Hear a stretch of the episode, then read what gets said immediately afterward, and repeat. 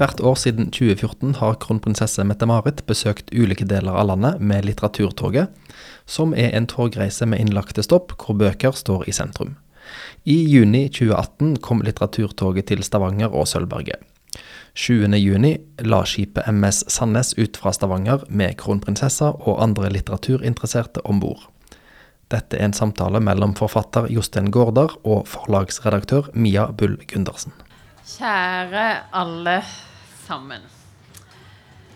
Uh, jeg må nesten klype meg litt i armen, for uh, vi uh, Når vi satt og planla årets litteraturtog, så tenkte vi at vi hadde lyst til å gjøre noe spesielt eh, i år. Og da bestemte vi oss for å Jeg skal gå nærmere.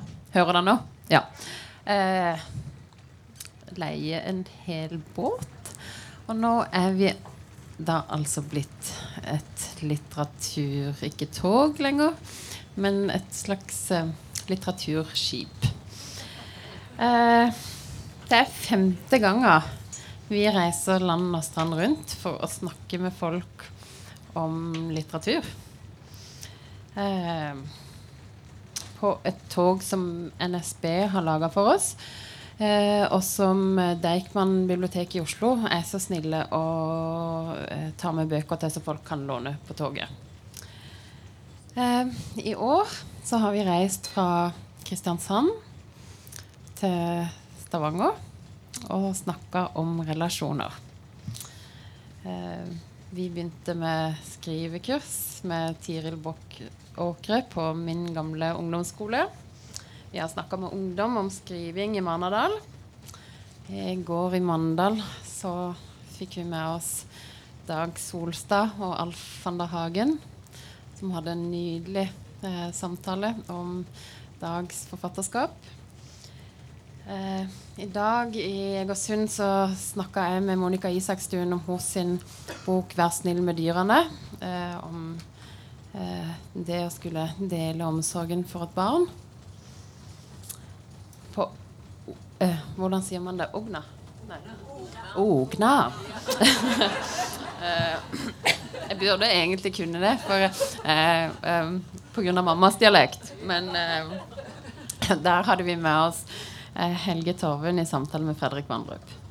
Og det ble en utrolig vakker samtale om lyrikk og skriving og livet sjøl.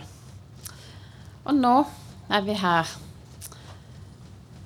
Uh, jeg må si det er veldig spesielt for meg uh, å få med to forfattere som har betydd mye for meg. Uh, jeg har lyst til at vi skal begynne med å gi en stor applaus til Jostein Gaarder og Carl Frode Tiller, som er gjestene på dette toget. Dette toget sier jeg helt automatisk, men på denne måten. Sofie Amundsen var på vei hjem fra skolen. Uh, jeg begynner nesten å grine når jeg leser den setninga. Dette kommer til å gå bra. Uh, det er første setning i en av verdens mest kjente bøker. Sofies uh, 'Verden så dagens lys' for første gang 1991. Og resten er litteraturhistorie. Den har solgt over 50 millioner eksemplarer. Den er oversatt til 60 språk. Det er ingen annen norsk bok som er oversatt til så mange språk. Romanen var verdens mestselgende bok i 1995. Sofies verden lå to år på førsteplass i Der Spiegel sin bestselgerliste i Tyskland. Og på ett tidspunkt så lå Kabalmysteriet på andre, og I et speil i en gåte på fjerdeplass på samme liste. Og Jostein Gaarder har solgt mer bøker enn Jo Nesbø, Heierdal og til og med Nansen. Det er rett og slett nesten ikke til å tro. Kjære Jostein Gaarder. Eh, tusen takk for at du sa ja til å bli med. Jeg må ærlig innrømme at jeg visste ikke om det eh, lot seg gjøre, og at du lot deg friste. Norges mest kjente forfatter. Og eh, jeg skal si litt om hvorfor jeg er så spesielt takknemlig for det. For Litteraturtoget har handla mye om mitt forhold til bøker også. Om hvorfor litteraturen ble så viktig i mitt liv. Og når um, Sofies verden kom ut i 1991, så var jeg 18 år. Uh, den boka uh, Den har vært veldig viktig for meg. Og jeg tror nesten jeg har lest den tre-fire ganger. Uh, den åpna noe helt nytt i meg. En fantastisk verden som jeg fikk lov til å gå inn i. Og det er noe av det magiske med bøker. Det at de tar med det inn til noe helt nytt. Jeg elsker Kabalmysteriet og Et speil i en gåte. Og så har jeg lest Julemysteriet for barna mine. Men det er ikke bare meg du har påvirka med dine bøker. Det er så mange med din insisterende tro på det gode i mennesket, og på kunnskap og på nysgjerrighet. Og om jeg har talt rett, så har du skrevet 20 skjønnlitterære bøker, en rekke faglitterære bøker, og fått en rekke norske og internasjonale priser, bl.a. Kritikerprisen og Brage. Og så har du nå skrevet romanen 'Anna', som eh, er en fabel om jordens klima. Og jeg gleder meg eh, til å snakke om den, spesielt her i denne vidunderlige Rogalandsnaturen. Og snakke, eh, til å snakke med Jostein eh, om bøkene, så krever det sin kvinne, vil jeg si. Og jeg er så uh, veldig glad for at vi har fått med oss god hjelp. Mia Bull Gundersen, du har vært Jostein Godås redaktør i Aschehoug i mange år, og dere kjenner hverandre godt. Gi dem en stor applaus, og jeg kan bare si at jeg gleder meg.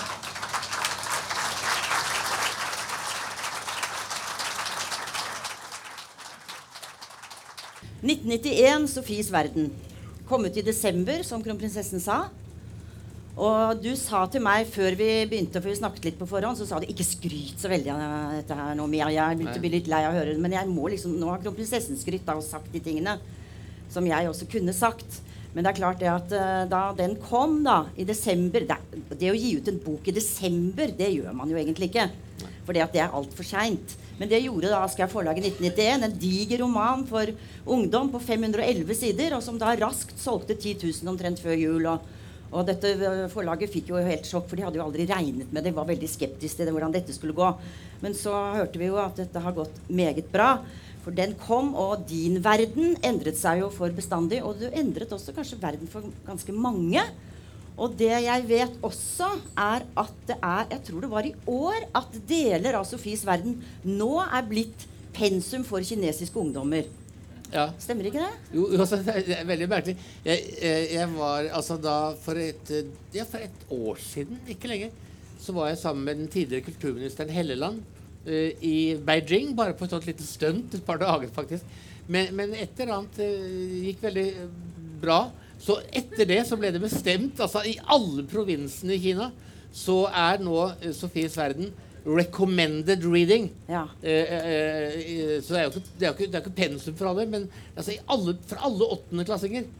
Og jeg syns det er morsomt. Det er klart, det er jo litt sånn, sånn uh, sikkert som sånn introduction til vestlig tankegang osv. Ja. Men det er klart, det er, det er jo bemerkelsesverdig. Det er jo som bare én av en sånn myriade av surrealistiske sånn stories eller detaljer rundt alt dette her. Ja. For det er jo, jeg er jo bare en tilskuer som alle andre.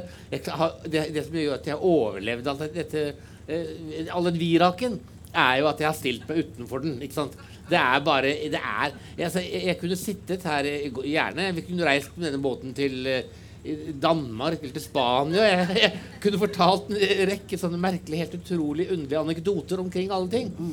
Men eh, det nyeste var kanskje det du sa nå med, med Kina. Jeg må takke kronprinsessen også. For liksom, Det var veldig gøy for meg å, høre at du har hatt et personlig forhold til mine bøker. Det visste jeg ikke. Så det var jo veldig gøy. da. Men, så, ja, det er faktisk nok en liten sånn, bitte liten sånn fasett i, i, i, alle sånne hyggelige ting jeg har opplevd omkring dette her. Ja, for du har opplevd veldig mye. Det vet jeg jo. Jeg har jo fått vært med på dette eventyret, må jeg få lov å kalle det. da. Mm. Fordi jeg har jobbet i Aschehoug i 25 år, så jeg har liksom vært med på dette her. Og vi har jobbet sammen, og, mm, og det er jo Men du har jo ikke du, du har sagt For den heter jo da 'Sofies verden en roman om filosofiens historie'. Og så har du sagt hvis du skulle skrevet den boken nå, Ja. så ville du kalt noe annet. Fordi at eh, du har sagt Du innlemmer jo ikke Østens filosofi i Nei, altså, den jeg, jeg boken. fått det, det, er et spørsmål som sant, Årene går jo. Det eneste som ikke forandrer seg, er jo at den boken fortsatt på en måte er liksom til stede Ja. rundt omkring. Så, så, jeg, så jeg, og, og, det som jo er den, bare for å ta det i parentes min, min store hva skal jeg si, takknemlighet i denne forbindelse er jo at den har banet vei eh, også for mine andre bøker. ikke sant? Så jeg har jo, eh, det vært et langt løp. Men jeg mener, spørsmålet eh, sånn, Hvis du hadde skulle skrive eh, Sofies verden i dag, ville du skrevet den på en annen måte da? Ja, Og, og da svarer jeg uten å tenke meg om ja. det vil du. Ja, og det vil jeg. Og, og, og, det er av to grunner. Det ene er at jeg, jeg, jeg ville jo eh, Hvis jeg hadde visst at Jeg trodde jo at jeg sa til Siri, min kone, at nå skriver At jeg hadde undervist i filosofi i, i ti år. Og så hadde jeg skrevet Kabalmysteriet, og så tenkte jeg at nå ble jeg kanskje forfatter på sånn som man sier på heltid. ikke sant? For jeg kunne ikke bare legge bort filosofien. Jeg hadde sånn der duty, altså sånn en pliktgreie. Jeg måtte legge fra meg det filosofistoffet. Så jeg ville skrive en, en, en, en, en sånn som jeg sier på engelsk Easy accessible introduction to the history of philosophy. Det er sånn, sånn. Og da, da sa jeg til Siri at det, men det er ikke noe vi kommer til å tjene noe penger på. Altså, det, det, dette er bare noe jeg må gjøre. Så, og så, så, så, sier hun da sånn altså, Kvinner er ofte veldig praktiske, så hun sier da sånn Så skriv den litt fort, da. og, og, og, og det gjorde jeg faktisk. Altså, Eh, eh, det, noe jeg, faktisk det, det tok 15 år før jeg sa dette offentlig. Ja. At jeg skrev Sofies verden på tre måneder. Ja, det er nesten ikke Men men det, det er fordi at jeg da hadde all filosofien liksom Også i sånne notater sånn, som jeg skulle ha til, til studenter. ikke sant? Eh, det var klart, men så måtte jeg bare liksom eh, bake det inn i en sånn fiction. Så det var liksom det. Og jeg jobba 15 timer om dagen. Jeg husker jeg gikk eh, jeg, og jeg, hadde, jeg, skrev den i en garasje. Jeg Du bodde i. Bergen, da. Ja, og, og så gikk jeg opp i huset og sa god natt til Siri ved tolvtiden. Og så gikk jeg ned igjen og skrev i tre timer til. Ikke sant, Ja. sånn. 15 timers arbeid. Men på tre, tre måneder ble det skrevet. altså, ja. Nei, det var det. det. Altså, ikke sant? Det var det at hadde jeg, hadde jeg, hadde jeg visst eh, Hadde jeg skulle skrevet den om igjen, så ville jeg jo selvfølgelig ha skrevet også om østlig filosofi. Ja, det var det. Ja. Eh, ikke sant? Eh, eh, for det er noe jeg greier på. Ja. Jeg har skrevet lærebøker ja. om ja, vi har jo spurt deg, vi i forlaget opp gjennom årene. Kanskje du skal skrive Nei, men det, tilsvarende men, ja, men dere sier, Hadde jeg visst at denne boken ble oversatt til svensk eller dansk, så ville jeg kanskje gjort det. Og hvis jeg hadde visst at den ble oversatt til kinesisk eller japansk eller koreansk, sant, så ville jeg i hvert fall ha skrevet Men det er det ene. Og det er ikke tema for denne båtturen, for det temaet er relasjoner. Ja. Og det andre er at jeg må si jeg fikk en sjokkartet opplevelse da jeg satt, meg ned av en altså Forfattere leser jo ikke sine egne bøker, men en gang satt jeg og, og, og bladde gjennom Sofies verden. Og så oppdaget jeg til min forskrekkelse at det aller viktigste filosofiske spørsmålet i vår tid Filosofiske spørsmålet i vår tid glimrer med sitt fravær i Sofies verden. Altså, det, det alle mulige filosofiske men, men, men spørsmålet hvordan skal vi klare å bevare livsgrunnlaget på vår egen planet? Men var det, Det er ikke berørt. Var du ikke opptatt av det den gangen, da? Det, det er et godt spørsmål. Og det, men, men, men i hvert fall har, skrev jeg ikke om det i Sofies verden. Eh, og, og, og poenget er at jeg sier jeg, må understreke at det er et filosofisk spørsmål. Ikke, ikke et politisk spørsmål. Det er et filosofisk spørsmål, fordi det handler jo om hvordan vi skal klare å, å implementere det vi vet vi må få til å gjøre. ikke sant, sånn. Det, det, det, det er, derfor har det et praktisk filosofisk aspekt, vil si et moralfilosofisk aspekt osv.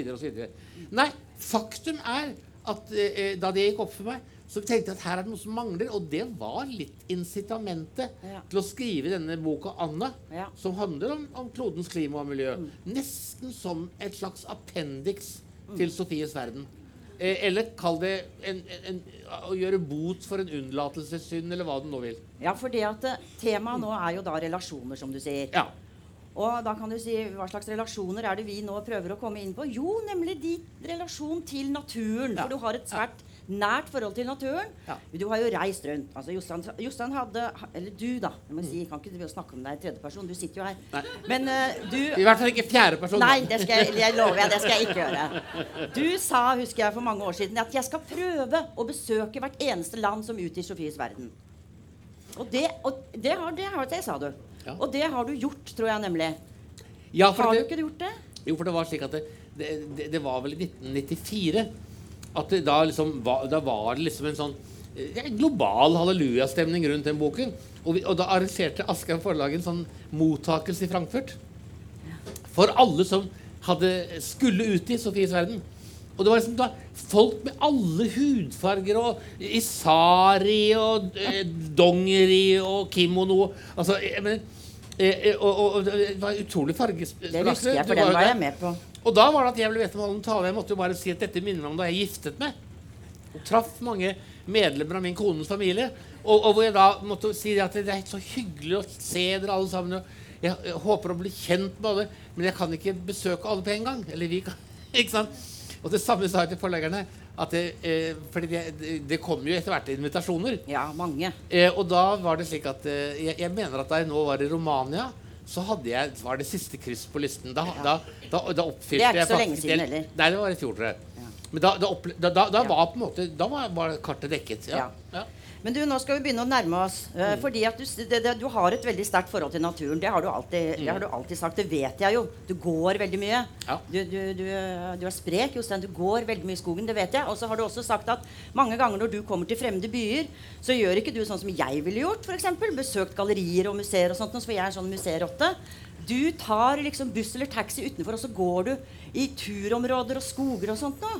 Altså, jeg, jeg, jeg, det er helt sant at jeg, er ikke en veldig urban person. Jeg, er, for meg så er det nesten, har nesten et religiøst sånn eh, eh, anslag. Altså at jeg, Ja, jeg, mener eh, eh, altså, jeg er jo stadig i Madrid. Jeg, jeg, har aldri, aldri vært i Madrid uten å være i Den botaniske hagen. Men jeg dekker kulturen nå, for jeg går igjennom Prado. Og så når du kommer ut av Prado, så kan du gå rett inn i Den botaniske hagen. Ja.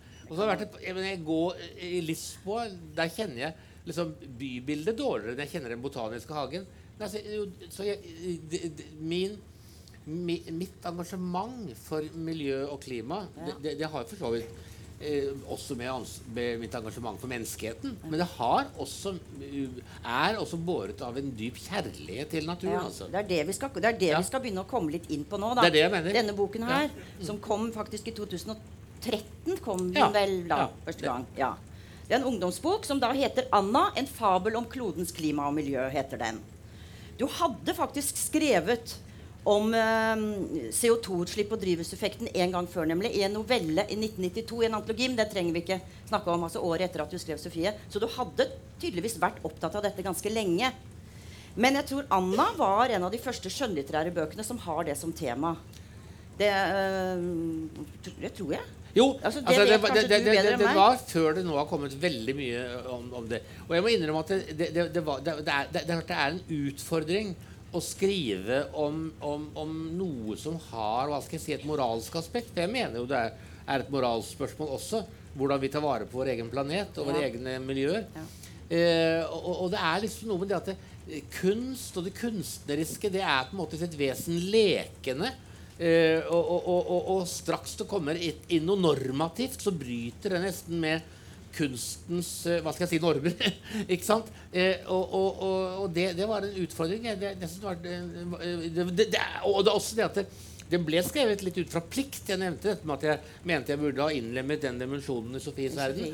Og det er at det, altså, eh, ja, det er vel Euripides som sier at når plikten skyter Eros, da slakter Eros pil. Altså dette er et litt erotisk parallell, faktisk. Ja, Men jeg mener, plikt er ikke noe, noe, noe, noe, godt utgangspunkt for å skape en kunstnerisk eh, eh, kommunikasjon. Nei.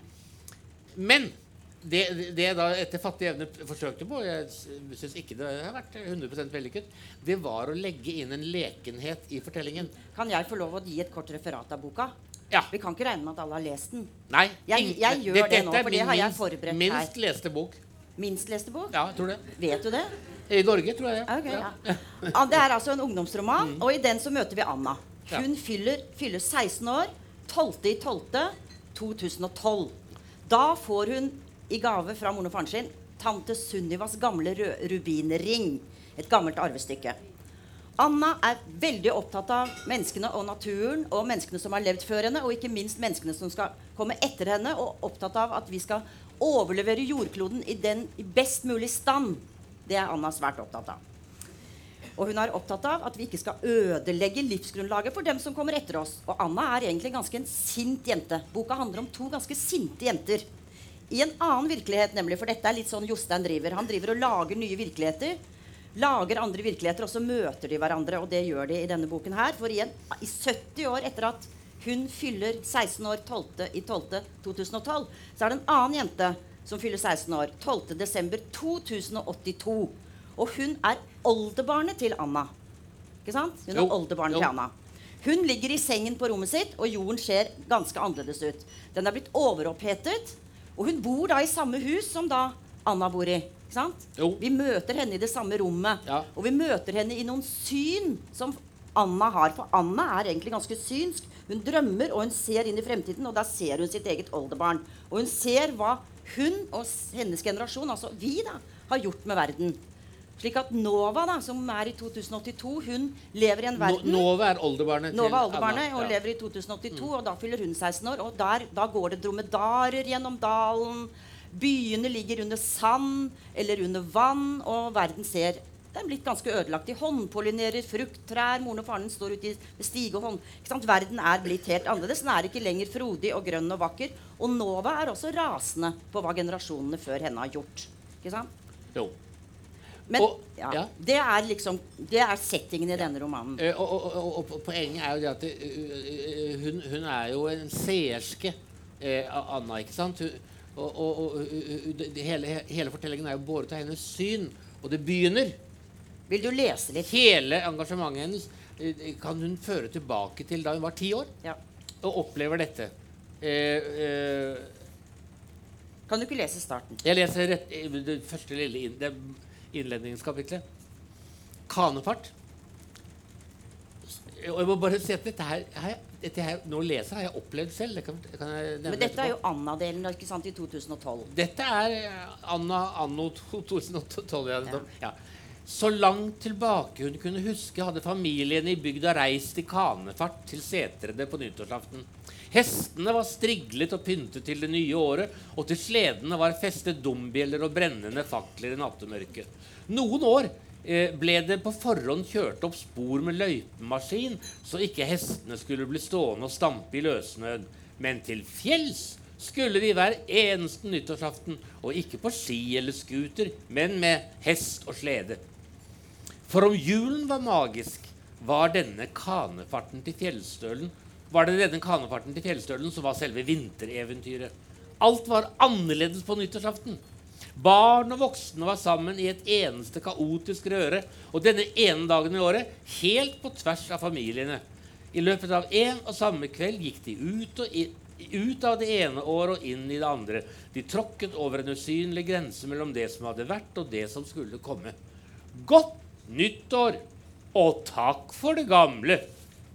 Anna elsket nyttårsaften, og hun klarte ikke helt å bestemme seg for hva, for hva hun likte aller best. Å være på vei opp til stølen for å feire den siste resten av det gamle året, eller veien ned igjen til det nye året, godt tullet inn i et ullteppe med mammas, pappas eller en sambygdings lune arm rundt skuldrene. Men på nyttårsaften, det året Anna fylte ti, var det ikke kommet snø, verken på vidda eller i lavlandet. Frosten hadde for lengst bitt seg fast i landskapet, men bortsett fra en liten skavl her og der var fjellet fritt for snø. Selv det mektige skarvet lå skammelig nakent under åpen himmel og avkledd den hvite vinterkåpen. Mellom voksne ble det mumlet noe om global oppvarming og klimaendringer.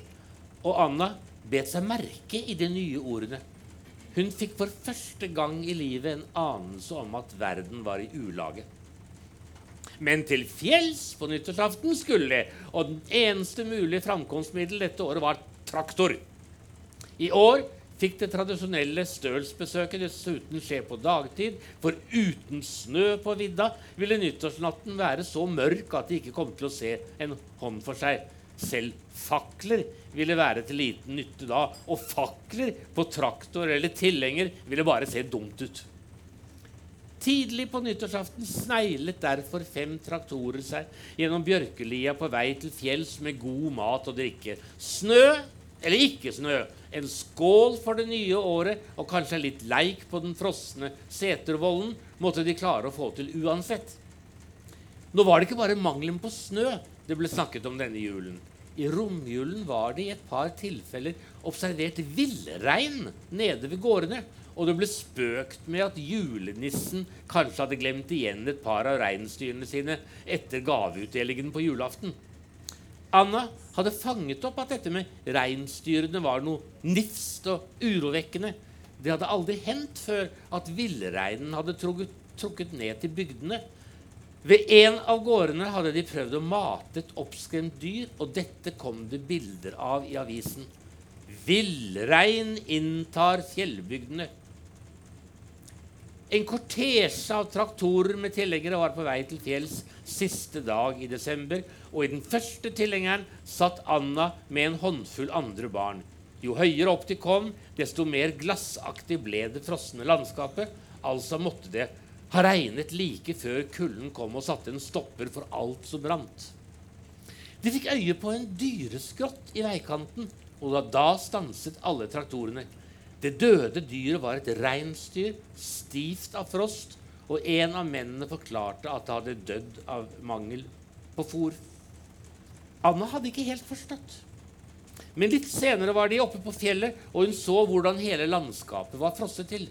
Det hadde ikke vært mulig å løsne så mye som en liten stein eller planterest fra frostens grep. De passerte Breavatnet, og her stanset de fem traktorene igjen. Nå slo traktorførerne dessuten av motorene. Det ble sagt at isen var trygg, og både voksne og barn styrtet ut på vannet. Isen var gjennomsiktig, og jubelen gikk fra den ene til den andre etter hvert som de oppdaget at de kunne se ørreten som svømte under isdekket. På isen kom det baller, bandykøller og akebrett. Men Anna ble gående for seg selv langs bredden av vannet og studere den frosne lyngen. Under en tynn hinne av is så hun mose og lav, krekling og sorte rypebær med ildrøde blader.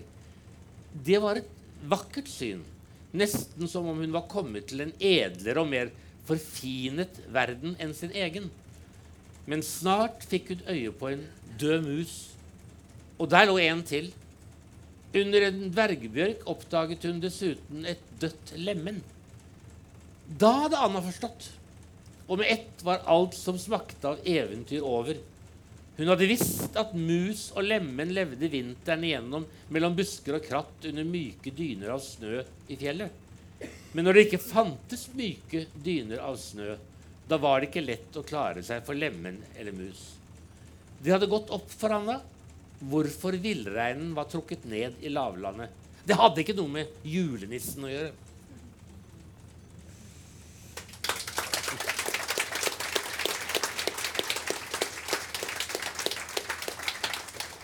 Nei, dette er, Anne er en alvorlig roman for ungdom, og kanskje for voksne også. Og hvis vi forflytter oss da fra Dette var da Anna, og så forflytter vi oss i fremtiden til Nova. Hun ligger i sengen sin med en terminal hvor hun kan få inn bilder fra hele verden. Og hun elsker å se på bilder fra Og hun kan også få inn bilder fra det som har vært. Ja. For, fra den tiden Anna levde, f.eks. Mm. Og så har hun en app som gjør at det sier pling hver gang et dyr en dyreart er utryddet. Det er ganske trist.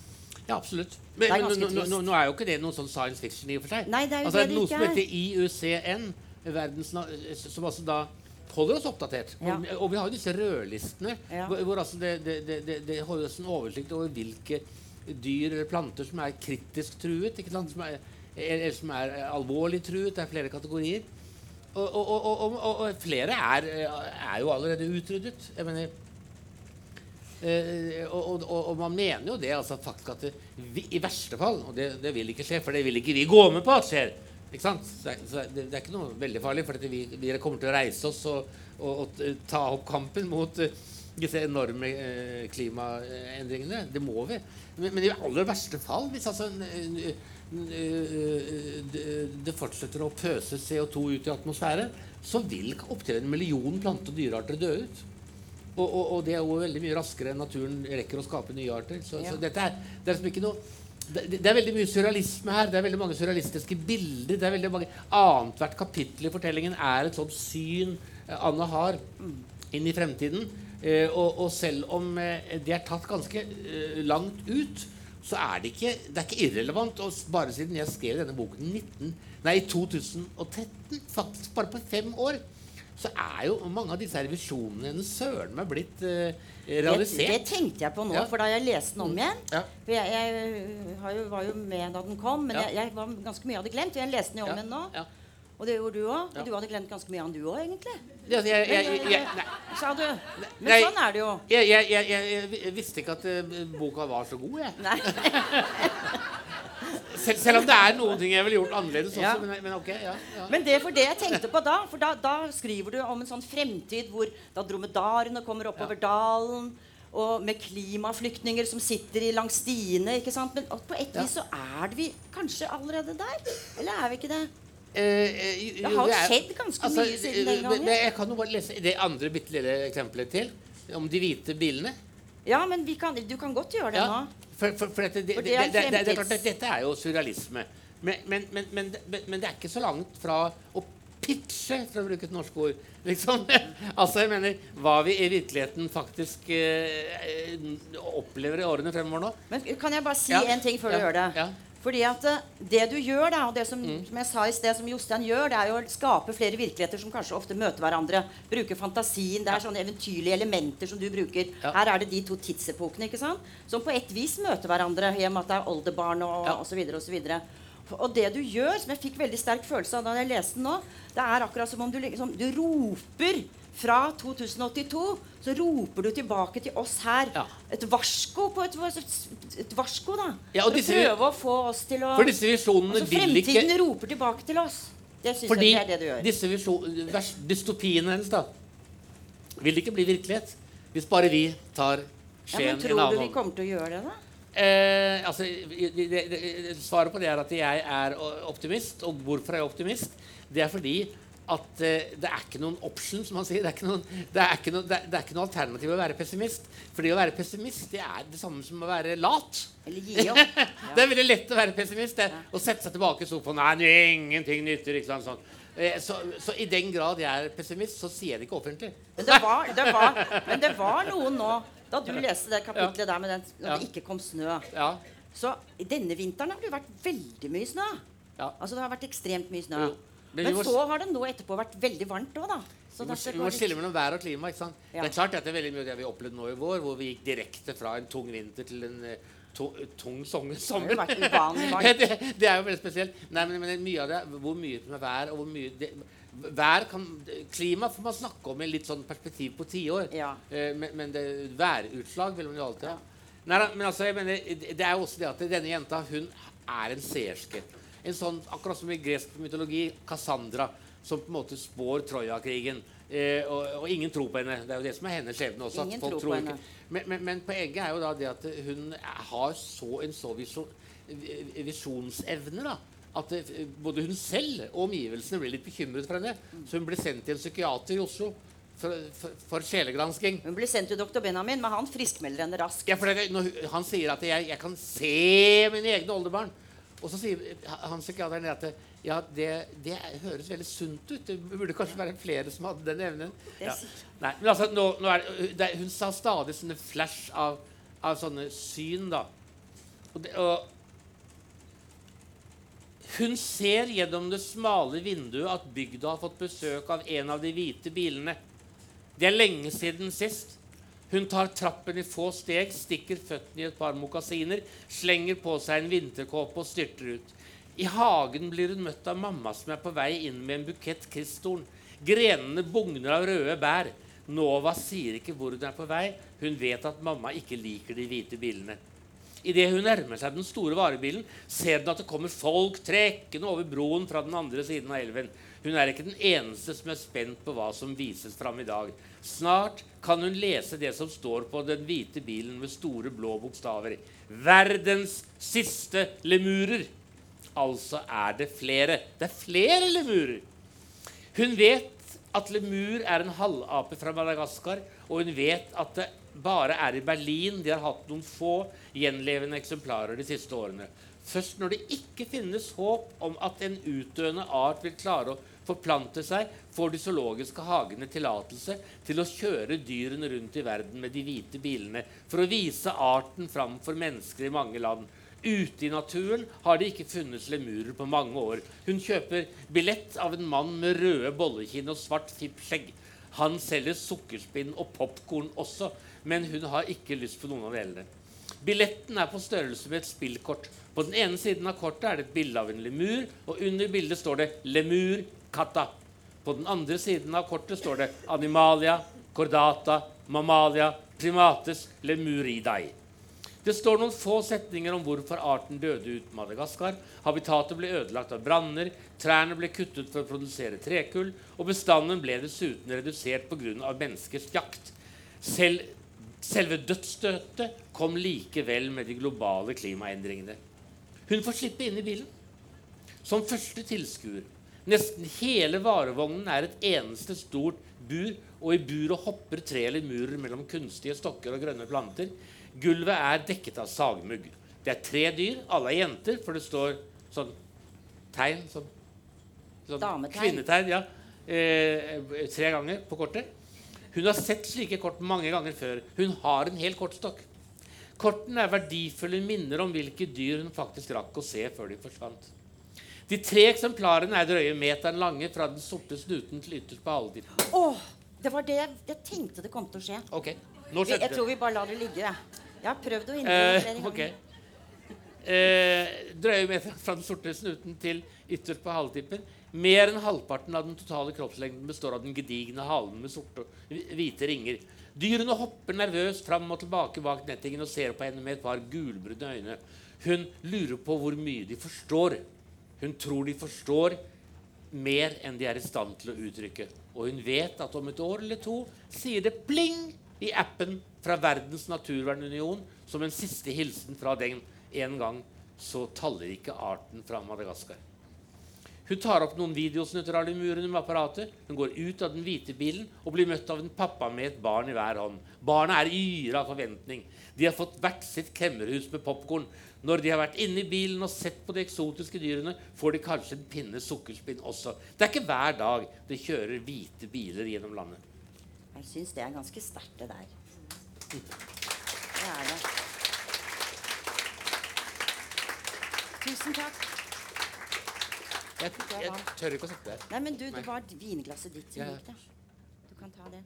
Men du, er vi da vil det si, vi, vi skal ikke snakke så veldig mye vi, vi, skal ikke snakke, vi skal snakke litt til, men Ja. vi skal jo ikke gjenta oss. Men jeg har bare Nei. lyst til å stille deg spørsmålet Er vi rett og slett, for det sier Anna en, en generasjoner av med griske og egoistiske mennesker. er det det som, altså Vi tar for oss og tar for oss og tar for oss og glemmer liksom de som kommer etterpå. Vi tenker da er vi døde, så det er ikke noe vits i å drive og spare på noe. Er det det vi driver med? Altså, jeg, jeg opplever at Anna på en måte både er som jeg sier, visjonær og en seerske. Men hun, hun, hun, hun, og hennes eh, kjæreste, Jonas, de, de, de er liksom opptatt av at det, det må gå an å gjøre noen trik, triks. liksom. Det må gå an å, og, og det er litt sånn, sånn altså, det, det, det, er helt klart for Anna også at disse visjonene, disse dystopiske forestillingene hun har om en fremtid, som meget vel kan skje Altså Nå snakker jeg her og nå. Ikke sant? Hun- er veldig tydelig på at hun mener at det skal ikke få skje. Så hun eh, så, eh, Det er liksom ikke en, en, det er ikke en Hennes visjoner er ikke låst, det hele poenget. Hun, hun forlanger eh, av eh, oldemoren, altså på en måte av seg selv, at eh, det, det skal kunne skje sånn eh, en changemaking. Eh, og det, det skjer. Hun, hun, hun våkner jo opp etter alle disse drømmene og visjonene, og så, og så har verden fått en ny sjanse. Altså Hun opplever jo at hun lever i 2082, og da er det for sent. Men så, så skjer det noe på et sånt uh, uh, psykologisk plan som gjør at hun faktisk våkner opp på sin egen 16-årsdag. Og så er det ikke for seint. Det, det er Nei, det er mulig å, å, å, å, redde verden. og, og som sagt, jeg syns det er dekadent å gi opp troen på at det er mulig. Ja, hva, men hva, hva med dem som mener at det ikke er menneskeskapt? Hva, så, hva vil du karakterisere dem som?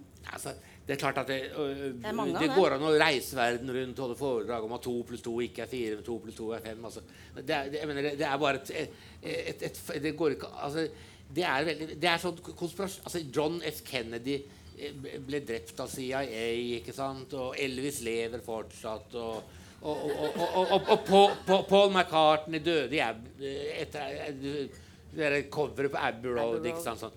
Ja, det er god da, det er sant. det, altså. Og, og, og du har nisser og troll og sånne ting. Men, men faktum er at det, eh, eh, klimavitenskapen er en eksakt vitenskap. Altså, det, det, er jo, eh, det er jo folk som reiser med fly. Det er mange som gjør det. Ja. Selv fundamentalister i USA reiser med fly og stoler på teknologien. Men de, de tviler liksom på helt elementær fysikk. Altså, i hvordan, Det handler jo veldig mye om dette med at vi eh, har en naturlig karbonbalanse ikke sant? I, i, i, i, hva som eh, slippes ut av CO2, og hva som brytes ned og låser seg til jordskorpa. Men, men når man tar disse reservene av olje og gass og kull og, og, og, og brenner opp ikke sant, på 1, 2, 3, noe som har tatt millioner av år å, å, å, å, å skape, så, så ser vi at det er en kurve som går sånn. Sånn går den. Akkurat sånn. Når det gjelder hvor mye CO2 det er i atmosfæren. Og CO2 er, altså, så det, det, er, det er veldig kuriøst eh, og morsomt å snakke om de som ikke tror på klimaendringer. Det er enig. Men de der klima, det var veldig mye snakk om sånne klima... Uh, at man kjøpte klimakvoter. Ja. Det er kanskje ikke så mye snakk om lenger. Nei, altså, ute og jeg- fløy, så kunne man kjøpe klimakvoter, Jeg og så kunne man fly med god samvittighet. Jeg har en sånn uh, historie om det med klimakvoten her. For det, er- det er en mann som står på et torg og, og fallbyr klimakvoter. da, og, og ser at hvis du reiser til Kreta, så kan du jo bare kjøpe en klimakvote. Og og, og det, som er hun eh, Nova heter hun da, i, fremtiden, litt sånn kritisk til. Eh, eh, dette har faktisk en sånn jeg nevnte det med det der, eh, Jeg leste det kapittelet om kanofart. Faktisk er det sant at jeg for 15 år siden dro på fjellet. Vi har en hytte 1250 meter over havet. Vi dro dit opp, eh, min kone og jeg, nyttårsaften. Eh, og, og, og, og vi har gjort det 100 ganger før. Det har alltid vært masse snø nyttårsaften. 1250 meter over havet. Og, vi, bare av en eller annen grunn, Jeg husker ikke hvorfor ringte vi til sånn bonde vi kjente og spurte hvordan liksom forholdene var på fjellet. Og så han helt umulig. Men han skulle kjøre oss opp i traktor, og det gjorde han. Og, da, eh, vi kom opp der. Så mener, det, det, og derfor så Bak den der historien om de klimakvotene er det også en helt autentisk historie. Jeg skal ikke nevne navn, men en veldig kjent og utrolig fantastisk flott fyr som er opptatt av klima og miljø osv. Du skal ikke nevne navn, Jeg altså. skal ikke nevne navn. Eh, det, er, det er bare fordi jeg, jeg syns det er eh, eh, sånn- Nei, men jeg, jeg, jeg, han var veldig opptatt av at når han da reiste til New York eller til Tokyo, og så, videre, så kjøpte han klimakvoter. Det er jo veldig fint. Det, jeg vil absolutt råde alle til å gjøre det samme. Men så spurte jeg bare sånn, Så du mener at hvis, liksom, hvis, hvis du kjøper bare sånn klimakvote, da er det helt greit? Da er det ikke noen belastning på miljøet i det hele tatt? Eh, nei, er det ikke. Ja, så fikk jeg en god idé. Så jeg testet den på seg. Ja, men du, hvis jeg da reiser og kjøper dobbelt klimakvote, er det sånn da at jo mer jeg reiser, jo bedre er det for miljøet? Flere Så, så, klimakvoter. han ble liksom litt sjokkert over spørsmålet. Så han ja, i, i, i, i grunnen er det slik, altså. Så, ja, det, det er veldig mye triksing med tall, altså. Jeg tror ikke noe på det. Men jeg, men jeg er heller ikke for bare å si det sånn individualmoral. Hvor man liksom begynner å spørre hverandre sånn Hvor mye kjører du bil? Hvor mye kjører du med fly? Altså Dette, dette gjelder oss alle sammen. Det er ikke, det er ikke, vi må ikke begynne å være moralister. Det tror jeg ikke noe på. Nei. Vi skal, vi skal øh, begynne å avslutte. Eh, eh, jeg har lyst til å Jeg vet nemlig at Jeg skal skryte litt til, da, Jostein, for det er jo litt spesielt, dette her. Det syns jo vi i forlaget òg. Fordi at du samler på alle Altså, du har gitt ut mange flere bøker enn Sofies verden og Anna. Om Kabalmysteriet og Vita Brevis og Et speil, en gåte, alle disse bøkene. Og de er også oversatt og blir lest rundt omkring i hele verden. Det er liksom ikke bare Sofie. Det, de lever sitt liv der ute, alle disse bøkene. Og du, har, du sparer på Du prøver å samle hver eneste utgave av alle bøkene. Som du har i en kjempehylle hjemme hos deg. Det jeg har jeg sett. Kjempehylle ja, det, hjemme hos deg. det er helt det er Hvordan syns du det er å stå og se på alle det? Det, det er jo sånt nydelig kunstverk, egentlig. Altså jeg, jeg er overbevist om at jeg eh, ikke kan kalle det som jålebukk, og heller ikke at jeg er veldig forfengelig eh, og sånn. Men jeg må innrømme at når jeg eh, har disse reolene Og det er det altså en sånn 1000 eller 1100 forskjellige utgaver av mine bøker på forskjellige språk. Da, da innrømmer jeg at jeg kan bli liksom litt sånn rørt, altså. Du blir litt rørt. Ja, eh, eh, eller eh, til og med, eh, til og med Hvis, jeg hadde tatt et glass rødvin, kanskje jeg blir litt stolt til og med. Men da skulle man jo tro at du kanskje tenkte at nei, nei, nå har jeg skrevet liksom de bøkene nå. Mm. Kan jeg liksom leve på de pengene jeg har tjent på de bøkene, og det kommer jeg til å gjøre godt. Og men du skriver jo fortsatt. Du skriver, Ja. har skrevet mange bøker. Du har til og med en ny bok til høsten Ja. som heter 'Akkurat passe', som er en nydelig liten roman som er i annen korrektur og snart ferdig. Den kommer i er september. korrektur. Tredje korrektur, ja. Tredje korrektur. trykkferdig film. Ferdig, ja. ja. Så det, du, du, du, og du har snakket i dag om at du til og med nå kanskje skal begynne å skrive enda Så du, du, skriving gjelder ennå. Eh, Enn så lenge. Men eh, den, den, den, akkurat passer. Det, det var fordi jeg tenkte at det, man kommer i en alder også. Så hvis jeg plutselig liksom sånn en, en, en, en dag fikk liksom den der dårlige beskjeden om at her går det dårlig, liksom. Ja. Så da vil, er det mange som tenker at å, å, å, nå får jeg lyst til å skrive noe. eller Sånn. Fordi at, Nei, søren, jeg gidder ikke å vente på det. Nå skriver jeg den romanen. jeg. Ja, ja. Og det, det er det jeg gjorde, altså. Ja. Så, så egentlig føler jeg at nå føler jeg egentlig at nå nå er det fullbyrdet, altså. Jeg, jeg mener at det, det sånn Men det har jeg sagt før òg. Jeg sa det til og med med Anna. At eh, det er min siste bok. Ja, du har liksom. sagt det det kan godt være min siste bok. Nei, men allikevel. Faktisk skal jeg, jeg skal gjøre noe jeg aldri har gjort før. Aldri. Og det er nesten pinlig å gjøre det da til, til og med foran kronprinsessen. da. Men jeg skal faktisk si det at jeg, jeg, jeg anbefaler den boken. Litt sånn reklame. Altså, nei jeg, jeg, jeg tør på, på, på, Det er en liten fortelling, men, men, men jeg kaller det fortelling og ikke roman. På, en måte, på en måte så er det litt sånn stramt komponert. Og jeg syns nesten det er den beste fortellingen jeg har skrevet.